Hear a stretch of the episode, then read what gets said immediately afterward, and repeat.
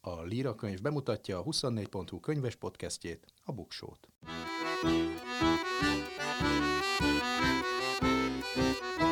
Ez itt a Buksó, olvasásról, könyvekről, mindenféle jóról. Én Nyári Krisztián vagyok. Ma az ifjúsági ismeretterjesztő könyvekről fogok beszélni, illetve fogunk beszélgetni Fodor Marcsival, annak apropóján, hogy most jelent meg a 20 rendkívüli magyar akit az egész világ ismer című könyve, de a könyvajánlóban is, a top 10-ben is ilyen könyveket fogok ajánlani, gyerekeknek, meg kiskamaszoknak szóló ismeretterjesztő könyveket, nem csak természettudományos, hanem társadalomtudományos témákban is, de mindezek előtt száz év magány rovatunkban folytatjuk a megkezdett témát, miféle kéziratok vannak, és mi is az a nyomdai kézirat.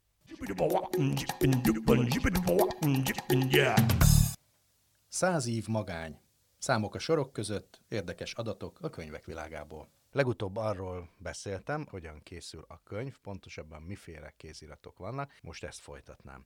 Ugye ott hagytuk abba, hogy háromféle kézirat létezik, van szerzői, kiadói és nyomdai kézirat, és ugye ez mind-mind más jelent. A kiadói kéziratra a műszaki szerkesztő teszi rá a tördelésre vonatkozó utasításokat. Ő felel tulajdonképpen a könyvkészítés minden technikai kérdéseért, tehát egy nagyon-nagyon fontos ember az egész folyamatban.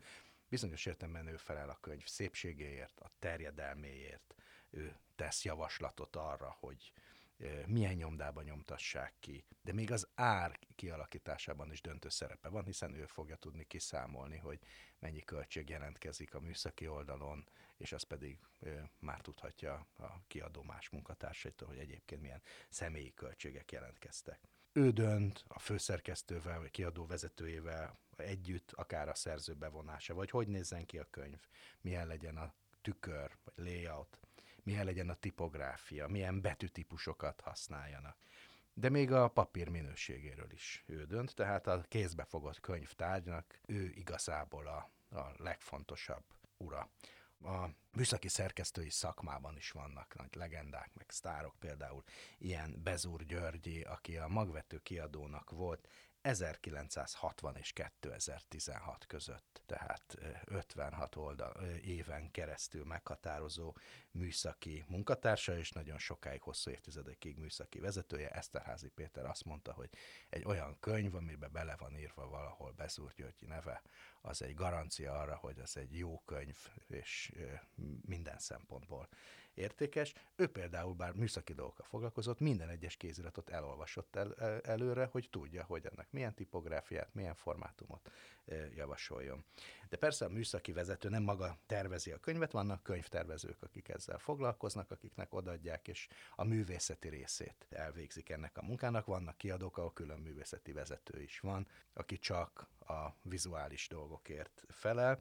Persze ez kell egy kiadói koncepció, meg a szöveg mennyisége is döntő, vannak-e képek a könyvben, és a többi, de születik egy, egy könyvterv, egy design. Adott esetben ez csak egy keretrendszer, amit aztán majd egy tördelő szerkesztő fog véglegessé tenni. A kiadói kéziraton még többen dolgoznak, lehetséges, hogy grafikus is van, illusztrátor, fotós, ha van fotós, akkor van fotó előkészítő munkatárs is, hiszen ennek nyomdai minőségben kell megjelennie. Tehát előáll aztán az a valószínűleg PDF fájl, ami majd már nagyon-nagyon hasonlít a készülő könyvre, de még mindig nem az, mert például még egyszer egy második korrektúrára odaadják egy korrektornak, meg visszaadják a szerzőnek is, akik végig mennek és újra megtalálják azokat a hibákat, amiket nem vettek észre. Ez a nyomdai kéziraton készülő korrektúra megspórolhatatlan, ez tulajdonképpen a, a végső szemet jelenti. Korábban úgy történt, hogy a nyomda visszaküldte a kiadóba ezeket a hasább levonatokat, ma ez már a kiadványszerkesztő programoknak köszönhetően a kiadóban történik, egy PDF fájl a végeredmény. Azt javaslom minden szerzőnek egyébként, hogy kinyomtatva is olvassa el, mert teljesen más hibákat fog megtalálni, mint hogyha a képernyőn nézi. Míg mindig használják, és amíg korrektorok lesznek, használni is fogják a különböző korrektúra jeleket. Lehet digitálisan is készíteni a korrektúrát, de nyomtatott verzióra egy nemzetközileg elfogadott szabályrendszer szerint vezetik föl a hibákat, ezekre rá lehet keresni, hogy mik a korrektúra jelek. Aztán amikor már ez is elkészült, és van egy általunk véglegesnek tartott nyomdai kézirat, akkor érdemes színmintát kérni a nyomdától, hogy úgy fogja kinézni, ahogy ezt mi megterveztük. És a legvégső pillanat, amikor a kiadó imprimálja a nyomdai kéziratot, azaz engedélyezi. Ugye régen az egyházi kiadványokra rá volt írva, hogy imprimátor, nyomattassék, amikor megkapta a cenzor engedélyét, ma ez inkább egy műszaki feladat, de nagyon fontos, hogy legyen eh, imprimálva egy könyv. Szükség esetén egyébként még a legutolsó pillanatban nyomdai korrektúra is lehetséges, hogyha valami el van rontva. Ez inkább egy évszám, vagy oldalszám elcsúszás, vagy, vagy ilyesmi lehetséges. Még a nyomdába is hozzá tudnak nyúlni, de ez ma már nagyon ritka és az utolsó fázis az szokott lenni, különösen értékesebb könyveknél, ahol mondjuk a színek fontosak, a margó fontos, hogy a gépindításra a kiadó képviselője és a nyomda képviselője is oda megy, és átnézik a lemezeket, és aztán megnyomnak egy gombot, és megszületik a könyv. Még egy nagyon fontos információ, hogy beszéltünk itt a szerzői ívről, ez nagyon más, mint a nyomdai ív. A nyomdai ív az egy terjedelem számításnak az egysége szintén, de már oldalakban gondolkodik. 16 nyomdatott oldal, a könyv formátumától függetlenül egy nyomdai ív, ezért van az, hogy a könyv oldalainak száma mindig 16-tal osztható. És ezért van az is, hogy a 17. oldalra kerül be a könyvtári pecsét, mert a második ív elejére szokás tenni, hogyha valaki netán ellopná, és kitépné az első lapot, az ne legyen elég, hanem 16-ot, azt meg már nem teszi meg. Úgyhogy eljutottunk a nyomdai kéziratig, elindult a nyomtatás, majd innen folytatjuk. Könyvemberünk ezúttal Fodor Marcsi. A beszélgetés apropója az, hogy most jelent meg egy könyvet, 20 rendkívüli magyar, akit az egész világ ismer, de mielőtt ezekkel foglalkozunk, egy kicsit foglalkozzunk veled. Van egy idézet tőled, amit vagy egy könyv főszövegében mondtál el, vagy egy interjúban, ezt nem tudom, de szeretném felolvasni az első három mondatát, mert ez nekem nagyon tetszik, annál is inkább, mert közel áll hozzám. Ez gyerekkoromban nem szerettem iskolába járni, pedig bárhova mentem, mindig volt egy könyv a kezemben. Olvastam evés közben, villamoson ülve, de még séta alatt is, nem csoda hát, hogy senki sem értette, ha ez a gyerek ennyire szomjazza a tudást, akkor miért nem kitűnő tanuló. Ez azért tetszik nekem, mert ez pont így volt velem is. Szóval Akkor miért a te szüleidnek is azt mondták, hogy annyi potenciál van ebben a gyerekben. Igen, hogy kirázná a kisújából, azt hiszem ez volt a fordulat. Igen. Van köze ennek egyébként a, a, ahhoz, hogy aztán te újságíró lettél, meg történetekkel, szövegekkel kezdtél el foglalkozni, hogy magadnak felfedezted az olvasást már gyerekkorodban? Biztosan van benne része, de szerintem ami nagyon fontos mindig, hogy milyen tanárai vannak az embernek. Alsó tagozatban például emlékszem, hogy én a matematikát nagyon szerettem, mert zseniális matek tanárom volt, és egyszerűen nagyon jó volt. Aztán utána jött egy olyan, akit nem szerettem, és hirtelen a matek ellenségessé vált. Viszont általános iskolában volt egy zseniális magyar tanárom, aki Illés Endrének volt a felesége, és hát ugye ő volt a 20. századi irodalom könyvkiadásnak a legnagyobb alakja, és Angéla néni, akit így hívtak, ő nagyon szeretett engem, és állandóan mondogat, hogy belőlem írónak kell lenni, hogy én vagyok a kedvence, hogy írjak, hogy az én feleletem lesz majd az utolsó, mert az a legjobb, az a csodálatos. És tudod, minél többet kap valaki dicséretet egyfajta tárgyból, akkor hajlamos arra felemenni, ahol a siker éri. Ehhez képest kis túlzásra nincs is olyan bölcsészeti tárgy az egyetemen, amit, ahova ne jártál volna. Én meg ötig jutottam a számolásba. Igen, de még mennyire álmodoztam. Vannak azért fájdalmaim. Például az, hogy egyiptológia, vagy a pszichológia oda oda aztán végül úgy döntöttem, bár bekerülhettem volna mind a kettőre, hogy azt, azt, azt már nem, azt már nem, mert, mert egyszerűen valahol meg kell állni. De végül aztán magyar művészettörténet, kommunikáció és még... Esztétika és még filmelmélet is. És ebből aztán adta magát, hogy ezt a sokféle tudást úgy használt föl, hogy akkor újságíró leszel, mert az, az, az, az mindegyikhez van köze, vagy, vagy ez az élet hozta csak így? Szeretek beszélgetni az emberekkel, szeretek kutatni, szeretek kérdéseket feltenni, és általában az emberek is szeretnek nekem mesélni. És aztán utána már az ember, és, és egyébként meg imádok könyvtárba járni, és könyvtárban ülni, és egészen különleges kis régi dolgokat, régi könyveket találni, amiben még izgalmasabb dolgok vannak. Mit szeretsz jobban kérdezni, vagy feltárni egy történetet, vagy amikor már megírod és magad alakítod azt a szöveget? Hú, hát nem tudom neked, hogy van, de nekem az írás az sokszor kínlódás. Nehéz néha. Tehát, hogy vannak, van, amikor az embert feszíti az írás, és akkor úgy, úgy kiárad belőle, átszakad egy gát, és akkor úgy megy az egész, és van, amikor, amikor munka és hát nem minden nap élvezet. Van, amikor az is csak munka. Aki követi a munkásságodat, az nagyon sokáig csak újságokban, nem Így csak, van. hanem elsősorban újságokban találkozott a, a neveddel, és aztán három éve jelent meg az Igen. első könyved. Tehát három évvel ezelőtt egy, egy ifjúsági könyvvel jelentkeztél, most pedig már itt a másodikról beszélünk, és majd a, a, mai beszélgetés végén majd szóba hozzuk, hogy mi mindenen dolgozol még. Szóval most már az újságíró mellett második könyvnél mindenképpen mondhatjuk, hogy író is vagy. Ez a te fejedben így van? Igen, igen. Szóval... Végülis az írás, az mindenképpen csak írás. Tehát, hogy annak idején, amikor én az eltére jártam kommunikációs szakra, akkor minket alapvetően politikai és gazdasági újságírónak terveztek. És én már akkor is tudtam, hogy én nem ezzel akarok foglalkozni, én női magazinokba akarok írni, ami egy azóta is eléggé lenézett szakma. De nekem az volt a véleményem, és én ezt mai napig tartom, hogy az ember bárhova írhat jó és színvonalas cikkeket, és akkor az nem őt minősíti, hanem a közönséget, aki nem látja meg esetleg abban a, a jót, vagy, a, vagy az értéket. Tehát, hogy mindenhova lehet értéket adni, és hogy erre igenis van igény, akár ha az ember a kiskegyedet olvassa, bár oda soha nem írtam, akár tényleg a blikket, ha te jó cikket írsz, amiben jó dolgok vannak, akkor egy olyan közönséghez is el tudod juttatni, akik egyébként lehet, hogy nem vennének a kezükbe egy könyvet, vagy egy olyan, vagy nem mennének el egy kiállításra, de ha olvasnak róla, akkor valahogy mégis kapnak valamit és ezeknek a lapoknak nagyon nagy szerepe van abban, hogy az emberek figyelmét irányítsák valahova. Igen. De tulajdonképpen erről szól az első könyved is, amin e, ugye 50 elszánt magyar nőről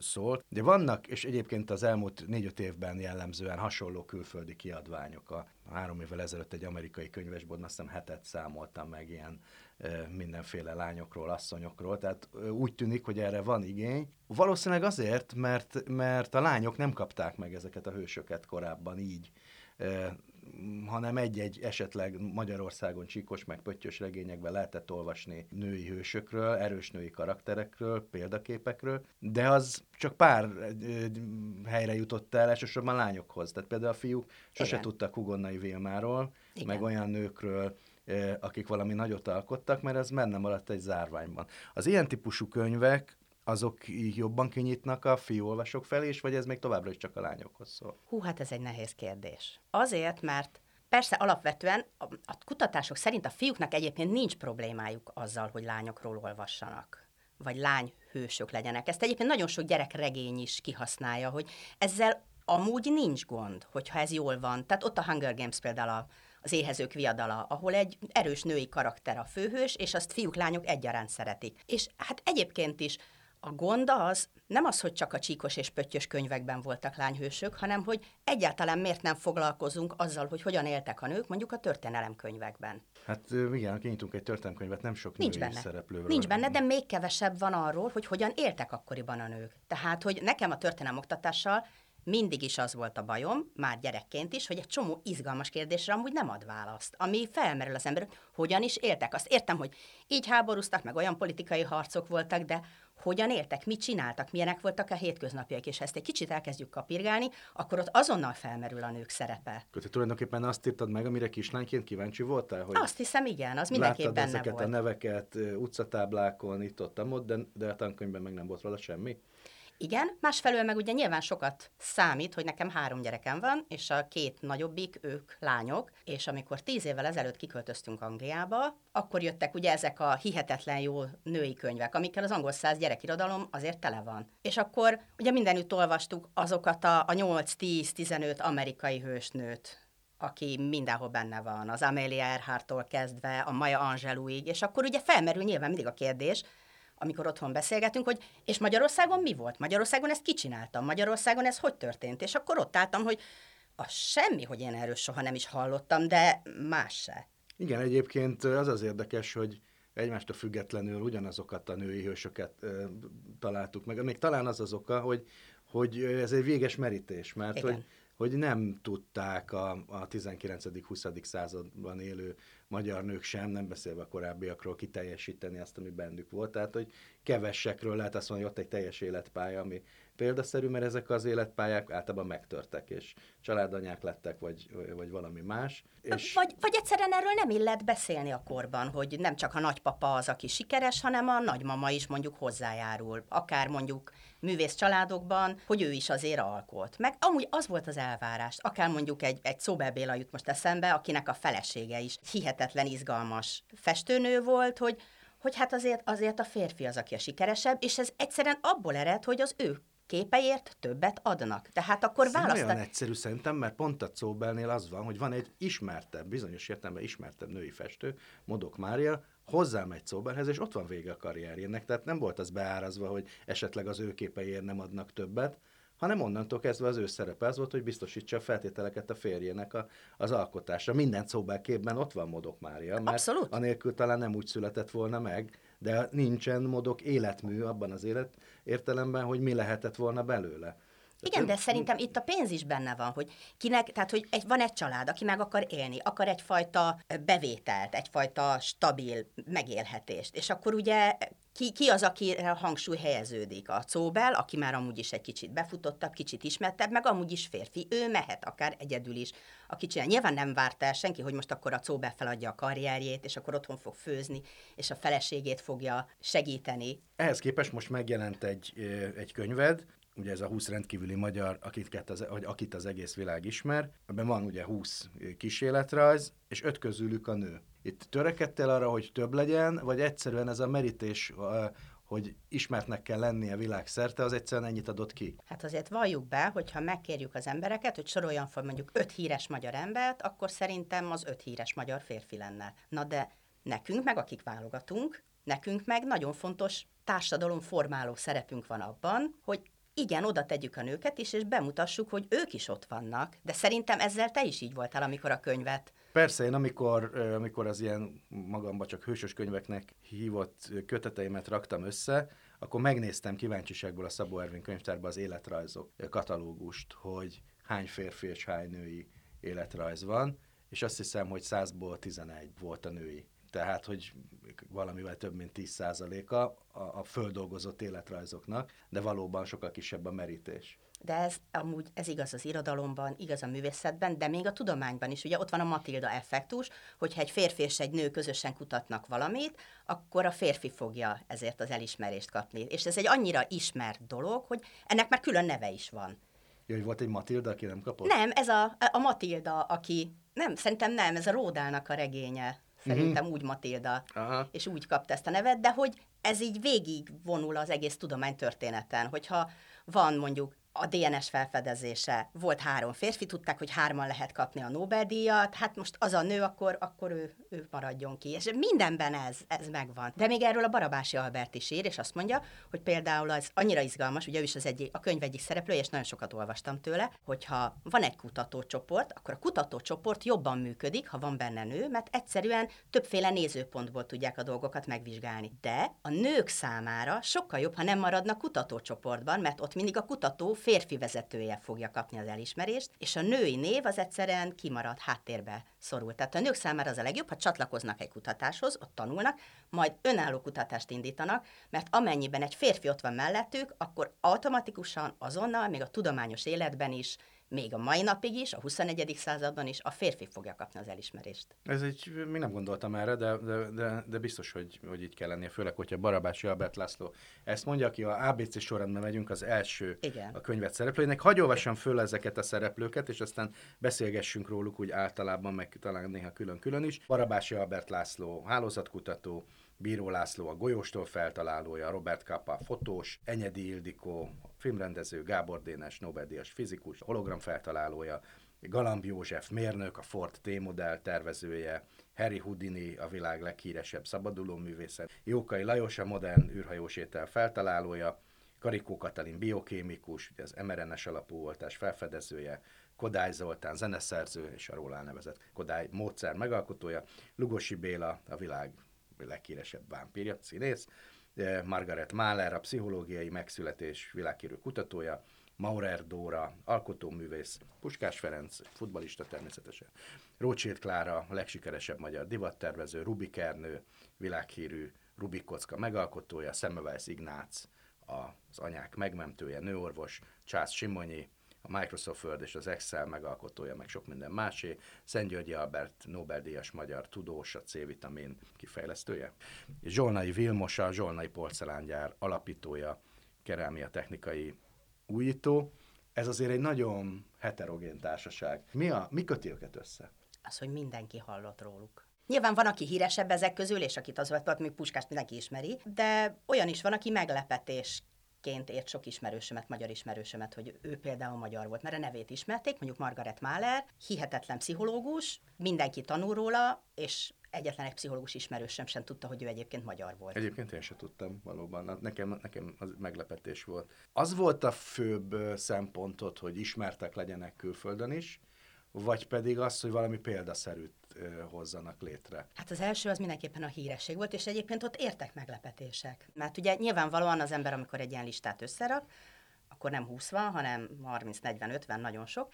És én azt csináltam, mert ugye mi nagyon sokakról azt gondoljuk, hogy valamit felfedezett, és ő az, ami, ő, ő az egésznek az atya, és akkor az ember mondjuk csinál egy visszafelé keresést, tehát beírja a Google-ba, hogy kifedezte fel a C-vitamint, és akkor megnézi, mi jön ki. És mondjuk oké, és ebben az esetben Szentgyörgyi, de hogy volt egy pár olyan felfedező, akire mondjuk külföldön mást gondolnak, és csak mi gondoljuk, hogy annyira híres. Tehát ez például egy szűrés volt. Akinél nem jött ki ez a ez a visszafele keresés, ott, ott azért, vannak az magyar Nobel-díjasok, akiket vannak. nem tettél bele, de vannak. értem, hogy miért, mert az egy természettudományos könyv lett volna. Hát csak tudósokból, matematikusokból meg lehet tölteni egy külön könyvet. Szóval Igazából bárkivel találkozom, aki nem azt mondja, hogy X-et, Y-t még. Miért nincs benne bolyai, miért nincs benne kempelen farkas, miért nincs benne, tudod, tehát így a lista az végtelen, hát rengeteg jó, híres magyar ember van. Magyarul mégis csak a te szubjektív szerzői önkényeden múlt, Hát az mindig benne akkor, van. akkor kell lenni legbelül egy plusz válogatási szempontnak, hogy őt betetted, más meg nem, nem tetted be. Tehát nem csak a híresség, meg a, a példaszerűség, hanem valami másnak is kell lennie, vagy ezzel nem gondolkodtál? I- valószínűleg, mert igen, nekem, nekem aztán a végül ők tetszettek, ők álltak hozzá. Ők hőseid. Meg tudod, az is sokat számít, hogy azt akartam, hogy mindenképpen változatos legyen, ne csak mondjuk matematikusok legyenek benne, vagy ne csak mondjuk pszichológusok, mert hogy, hogy valahol akkor ki kell közülük választani egyet. Azt akartam, hogy a könyv a gyerekeknek minél több dolgot mutasson. Hogy mennyiféle sok út van, és mennyiféle sok eredmény van, amit el lehet érni, és akkor ehhez az kellett, hogy, hogy sok, sokféle legyen, változatos. Vannak benne élők, meg vannak már nem élő szereplők, vagy hősök, hívjuk őket hősöknek. Tudatosan törekedtél arra, hogy, minden, hogy legyen ilyen is, olyan is, vagy egyszerűen tényleg a, a, az ismertség meg a híresség az kiadott egy listát, amiből válogattál? Hát jó, hogyha vannak a kortársak is. Hogy nem csak bemutatjuk a gyerekeknek, hogy igen, ott valamikor régen, a legendák korában volt valaki, akiről már nem tudunk vele azonosulni igazából, hanem itt és most is lehet zseniális dolgokat csinálni. De például Karikó Katalin nevét szerintem egy évvel ezelőtt Így ismerte van. meg a világ, meg a, és Magyarország is. Hogy attól nem tartottál, hogy a még élőknél még nincs egy lezárult életpálya, hogy vajon ez az a pont, amikor egy ilyen mégiscsak példatárként is működő könyvbe be lehet őket tenni? Azt gondolom, ezt el kell engedni, mert lezárt életpálya sosincs, és ezt legutóbb a Black Lives Matter mozgalom bizonyította, hogy megvan, megvoltak ott is azok a elismert emberek, akiknek megvolt a szobruk, majd jött száz év, kétszáz múlva valaki, év múlva valaki, és azt mondta, hogy az illető az nem is volt hős, hát ő rabszolgákat tartott, vagy gonosz volt, vagy kihasznált embereket, és akkor a szobrát bárkinek bármikor le lehet Igen. dönteni, és attól még a tett tette, vagy amit elért, az attól még megmaradhat, mert nem gondolunk már rá hősként. Az egyik ilyen csoportosítás, az, ami adja magát ugye az, hogy élők és már nem élő hősök, de nekem feltűnt az is, hogy nagyon nagy arányban vannak olyanok, akik elmentek innen, és külföldön építettek karriert, de azért mégiscsak identitásukban magyarok maradtak, hogy ezt is a véletlen hozta, vagy, vagy meg akartad mutatni ezt a, az útját is egy életnek? Én ezen nagyon sokat gondolkodtam. Ugye ez egy nagyon gyakori kérdés, ami felmerül, hogy lehet-e valaki Magyarországon világhíres, vagy mindenképpen el kell menni. Tehát, hogy ez egy ez ilyen átok rajtunk. Benne, aki itt maradt. Nagyon kevés. De aztán arra jöttem rá, hogy nem, nem baj, ha az emberek elmennek. hogy ezek az emberek attól lettek világhírűek, mert kimentek a világba, és megmutatták magukna, magukat egy sokkal nagyobb versenypiacon is. Ugye nyilvánvalóan mondjuk, ha azt mondjuk, hogy Rubik Ernő, mondjuk ha ő csak a magyar piacra alkotott volna a kockát, és eladott volna mondjuk 5000 vagy 10.000 darabot, akkor lehet, hogy az a játék egy 5-10 év múlva elhalt volna és elcsendesedett volna. De elment Amerikába, egy sokkal nagyobb céghez leszerződött, akik milliárd számra tudták ezt gyártani, egyszerűen mondjuk magyar üzemnek nem lett volna ekkora kapacitása ennyi játékot legyártani. Tehát, hogyha ilyen szempontból gondolkodsz, akkor ott van a Barabási, megint őt tudom mondani, aki azt mondja, hogy neki már az életében az is egy óriási különbség, hogy mondjuk nem Romániában volt egyetemen, és nem ott végzett, hanem Magyarországon, mert egyszerűen már a Magyar Egyetemen is sokkal több kapcsolata volt, és ugye ez a hálózatok. Attól leszel sikeres, hogy nagyobb hálózatot ismersz, megismersz olyan embereket, akik előre visznek. Kicsit a tartalmi részekről is beszéljünk. Egyrészt, hogy ezek monológok, egyes szám első Igen. szemében elmondott történetek, tehát ezek a hősök maguk beszélnek. Ezt eleve így tervezted, vagy egyszerűen a munka közben jött ki, hogy ez, ez így hatékonyabb vagy jobb megoldás? Ugye ez egy könyvsorozat, annak a harmadik része, az első, az első kötet az híres, általában híres emberekről szól, a második az híres tudósokról, és ez a harmadik a híres magyarokról, és az első két kötet az így íródott, de amikor mi ezt a szerkesztővel beszélgettük, akkor mi úgy éreztük, hogy ez nem biztos, hogy működne a magyar piacon, illetve hogy milyen fura lenne, hogyha ilyen kortás embereknek én adnék dolgokat a szájába, amit nem is mondtak, és akkor megegyeztünk abba, hogy ez egyes harmadik szemébe lesz, mesélünk róluk. És aztán elkezdtem ezzel foglalkozni, és bele élni magam ebbe a, az, mindig az adott illetőnek a, az életébe, olvasni az életrajzukat, hallgatni esetleg az élőktől YouTube videókat, a vallomásaikat, és aztán leültem írni, és akkor ez így, így jött ki belőlem. És azt éreztem, hogy ez a legautentikusabb, amikor ők maguk mesélnek. De azt hozzáteszem, hogy nekem a két lányom mellett van egy tíz éves fiam is, aki körülbelül a könyvnek a célcsoportja. célcsoportja, és akkor én mindig azt csináltam, hogy mikor találtam, azt gondoltam valami érdekeset, akkor leültem, és elmeséltem a fiamnak, hogy úristen, képzeld el, hogy mit találtam, és hogyha ő lelkesedett, akkor, akkor láttam, hogy jól van, ez, ez jó. Ha meg így húzta szert, hogy hát ez baromi unalmas, hát ez kinek érdekes, akkor láttam, hogy jó van, akkor ezt hagyni kell. És az az érdekes, és én azt szerettem, nagyon a könyvben, azt hiszem, és ez a végre teljesen összeállt, úgy úgy képzeltem el, mintha ezek az emberek eljönnének hozzánk, és mesélnének a fiamnak, és látnának egy, egy átlag tíz éves, tudod, akit úgy némely dolog érdekelné, mert csak úgy húzogatja a vállát, és próbálnak elmondani, hogy ők mitől olyanok, amilyenek, hogy ők mit csináltak, hogy, és hogy egy csomó olyan dolog van, azt hiszem, amit most ki lehet emelni, mert fontos, de ami mondjuk akár még 50 évvel ezelőtt sem volt se érdekes, se fontos. Hogy például Gábor Dénes számomra ilyen, akiről kiderült, hogy ő nem csak ugye a hologramot alkotta meg, hanem az első világviszonylatban az első tudós, aki a környezetvédelemről beszélt. És a környezetvédelem az most egy olyan téma, ami nagyon érdekli a gyerekeket. És hogy a Gábor Dénes azt mondta, hogy a világ halad a pusztulás felé, és nekünk tudósoknak a feladatunk, hogy ezt megállítsuk, és nekünk tudósoknak a felelősségünk, hogy mindent megtegyünk. És azt gondolom, hogy ez egy olyan üzenet, ami egy mai gyerek számára nagyon jó és nagyon izgalmas. Van ennek a kötetnek egy másik, egy társalkotója, mondjuk így, eh, Szepesi Zsófia, Zsófia, akinek az illusztrációi teszik teljessé ezt a könyvet. Vele hogy dolgoztatok, hogy te már megírtad a történeteket, és ő elkezdett rajzolni, vagy, vagy beszéltetek, hogy mit, milyen... Ugye fiatal korukban mutatja a, a szereplőket, ami nekem nagyon tetszik. Szóval hogy ment a közös munka? Zsófi egy tündér. Ő vele annyira jól lehetett együtt dolgozni, hogy azt el nem tudom mondani. Eredetileg azt próbáltuk meg, hogy párhuzamosan dolgozunk, de aztán egy idő után kiderült, hogy, hogy neki is az a legjobb, hogyha én elküldöm neki a szöveget, és ahhoz képest tud akkor a szöveghez illusztrációkat találni, de ugye ez akkor még ott nem ért véget, hanem az összes képet elküldtük a szakértőknek, ugye rengeteg szakértő van, elküldtük a szakértőknek, a rokonoknak, hogy nézzék meg, és bizony nagyon sokat belejavítottak. Mert például mondjuk ott van Zsolnai, akiről vannak fotóink, de fekete-fehérek, és akkor ugye az ő unokája mondta, hogy ez így klassz-klassz, csak hát Zsolnai híresen kék szemű volt, átható kék szeme volt, és akkor mondjuk ezt javítottuk. Uh-huh.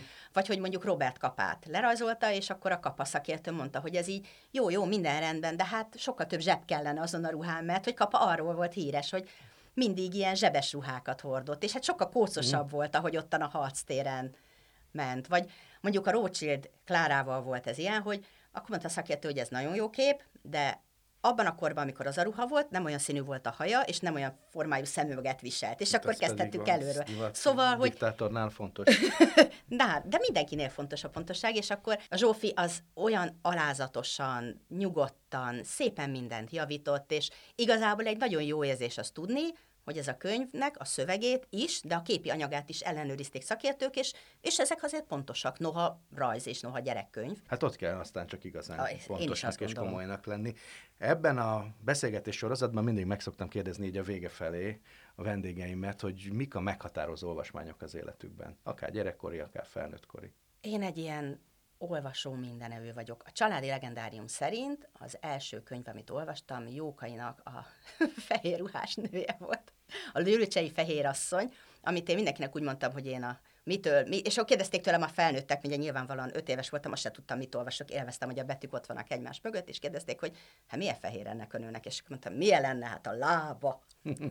szóval mondjuk Jókait például szerettem, mert ő is jókat mesél, és egyébként izgalmas módon nagyon sok kortás történetet írt meg ő is, nagyon sokat merített a kortás történésekből.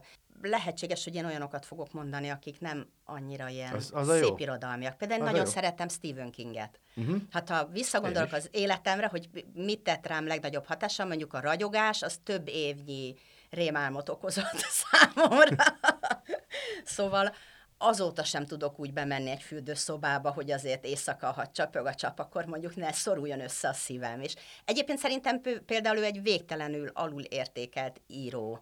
Mert hogy mindenki horror... ebbe a, ebbe a műfajba, hát azért ő a király. Tehát, hogy Igen, de hogy szerintem ő sokkal több, mint horroríró, vagy ő olyan Vannak szinten kétségtelen tudja... olyan, biztos, hogy vannak olyan novellái, vagy, vagy akár kisregénye is, ami, hogyha nem lenne oda jó Stephen King, akkor is betenné, ott lenne az irodalomban, és akkor talán egy másik polcra kerülne. Tehát biztos, hogy a halálsoron, meg ezek az, az, ö, Egyszerűen- azok máshova valóak. Mind dolgozol most? Amin most dolgozom, és ez a következő folytatása lesz ennek a könyvnek, hogy úgy döntöttünk, hogy csinálunk egy összeállítást, ami híres magyar állatokról fog szólni. Mondjuk böbe, a majom, Így, kántor, mancs, Valóban. Ja, tehát értem, van egy jó pár olyan állat, akit név szerint ismerünk, de akár Jónás a víziló, és akár maguk korukban, akár most is hihetetlen nagy sztárok, és mindenkit érdekel az életük, és én úgy láttam, hogy nincs olyan Uh-huh. gyűjtemény, amely kifejezetten velük foglalkozna. Olyanok vannak, amikor a híres emberek állatai, Aha. de hogy engem meg az érdekel, hogy az állat. Ja, tehát és akkor tényleg kántor, kincsem, ilyesmi. Abszolút. Nagyon érdekes. És Illet- a másik? Mondtad, A van másik pedig az egy ilyen réges-régen,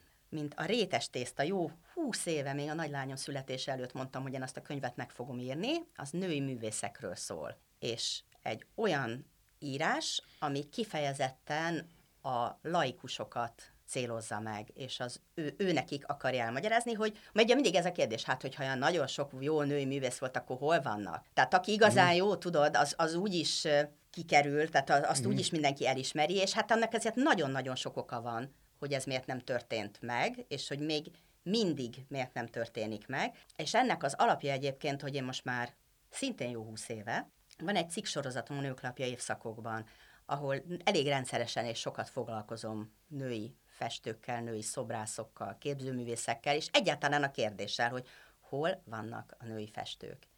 És az ember kicsit megkapirgálja, akkor mindig az derül hogy hát ott vannak ám, hát hogy Az ne biztos, lennének. igen. Csak bizonyos okok miatt, és ezek az okok még a mai napig hatnak, nem ők kerülnek kiválasztásra. Innentől kezdve meg el kell olvasni a könyvedet, Igen. és át kell ezt gondolni.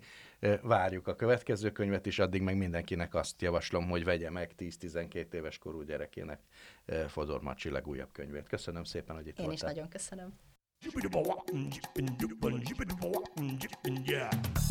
Top 10. Egy polcnyi jó könyv. Ismeretterjesztő könyvek gyerekeknek. Ezek közül fogok ajánlani, és lehet, hogy át kell nevezni a rovatot, mert nem bírom ki soha, hogy csak tizet mondjak. Most 10 plusz 5-öt hoztam. Az első helyen két olyan könyv áll, ami már az én gyerekkoromban is meghatározó volt, de újabb és újabb kiadásaik jelennek meg. Albert Barrier egyszer volt sorozata. Két könyv jelenik meg vagy jelent meg nem olyan régen Magyarországon, de már el is fogytak, úgyhogy az újranyomásukat várjuk. Az egyik az egyszer volt az emberi test titkainak enciklopédiája, Manó könyvek gondozásában 2020-ban jelent meg utoljára. A másik pedig az egyszer volt az emberiség történetének képes enciklopédiája, ez is a Manó könyvek gondozásában jelent meg. Szintén természettudomány, azt hiszem, hogy úgy ejtik a szerzőt, hogy Piotr Soha, hiszen lengyel szerzőről van szó. Fák című könyve tavaly jelent meg szintén a Manó könyveknél, és jön a Méhek című könyvnek az új kiadása. Nagyon-nagyon ö, okosan, szépen összerakott könyvek ezek természettudományról. Milyen fák vannak, milyen megmunkálásuk lehetséges, milyen környezetvédelmi meg természettudományos dolgokat érdemes tudni a fákkal kapcsolatban egy kicsit szélesebb természettudományos merítés. Farkas Robert első könyvem az univerzumról, hogyan születnek a csillagok, arról szól, amit a címe ígér, a Kolibrinél jelent meg idén. Vicces című könyv, és már a címe alapján nagyon tetszik nekem. Az a címe, ezt nem hiszem el, Trutyi tudomány a nyáltól, a slime-ig, a ragasztótól, a póksejemig. A HVG könyvek adta ki 2021-ben, szerintem ez kisfiú kedvét meghozza a témához.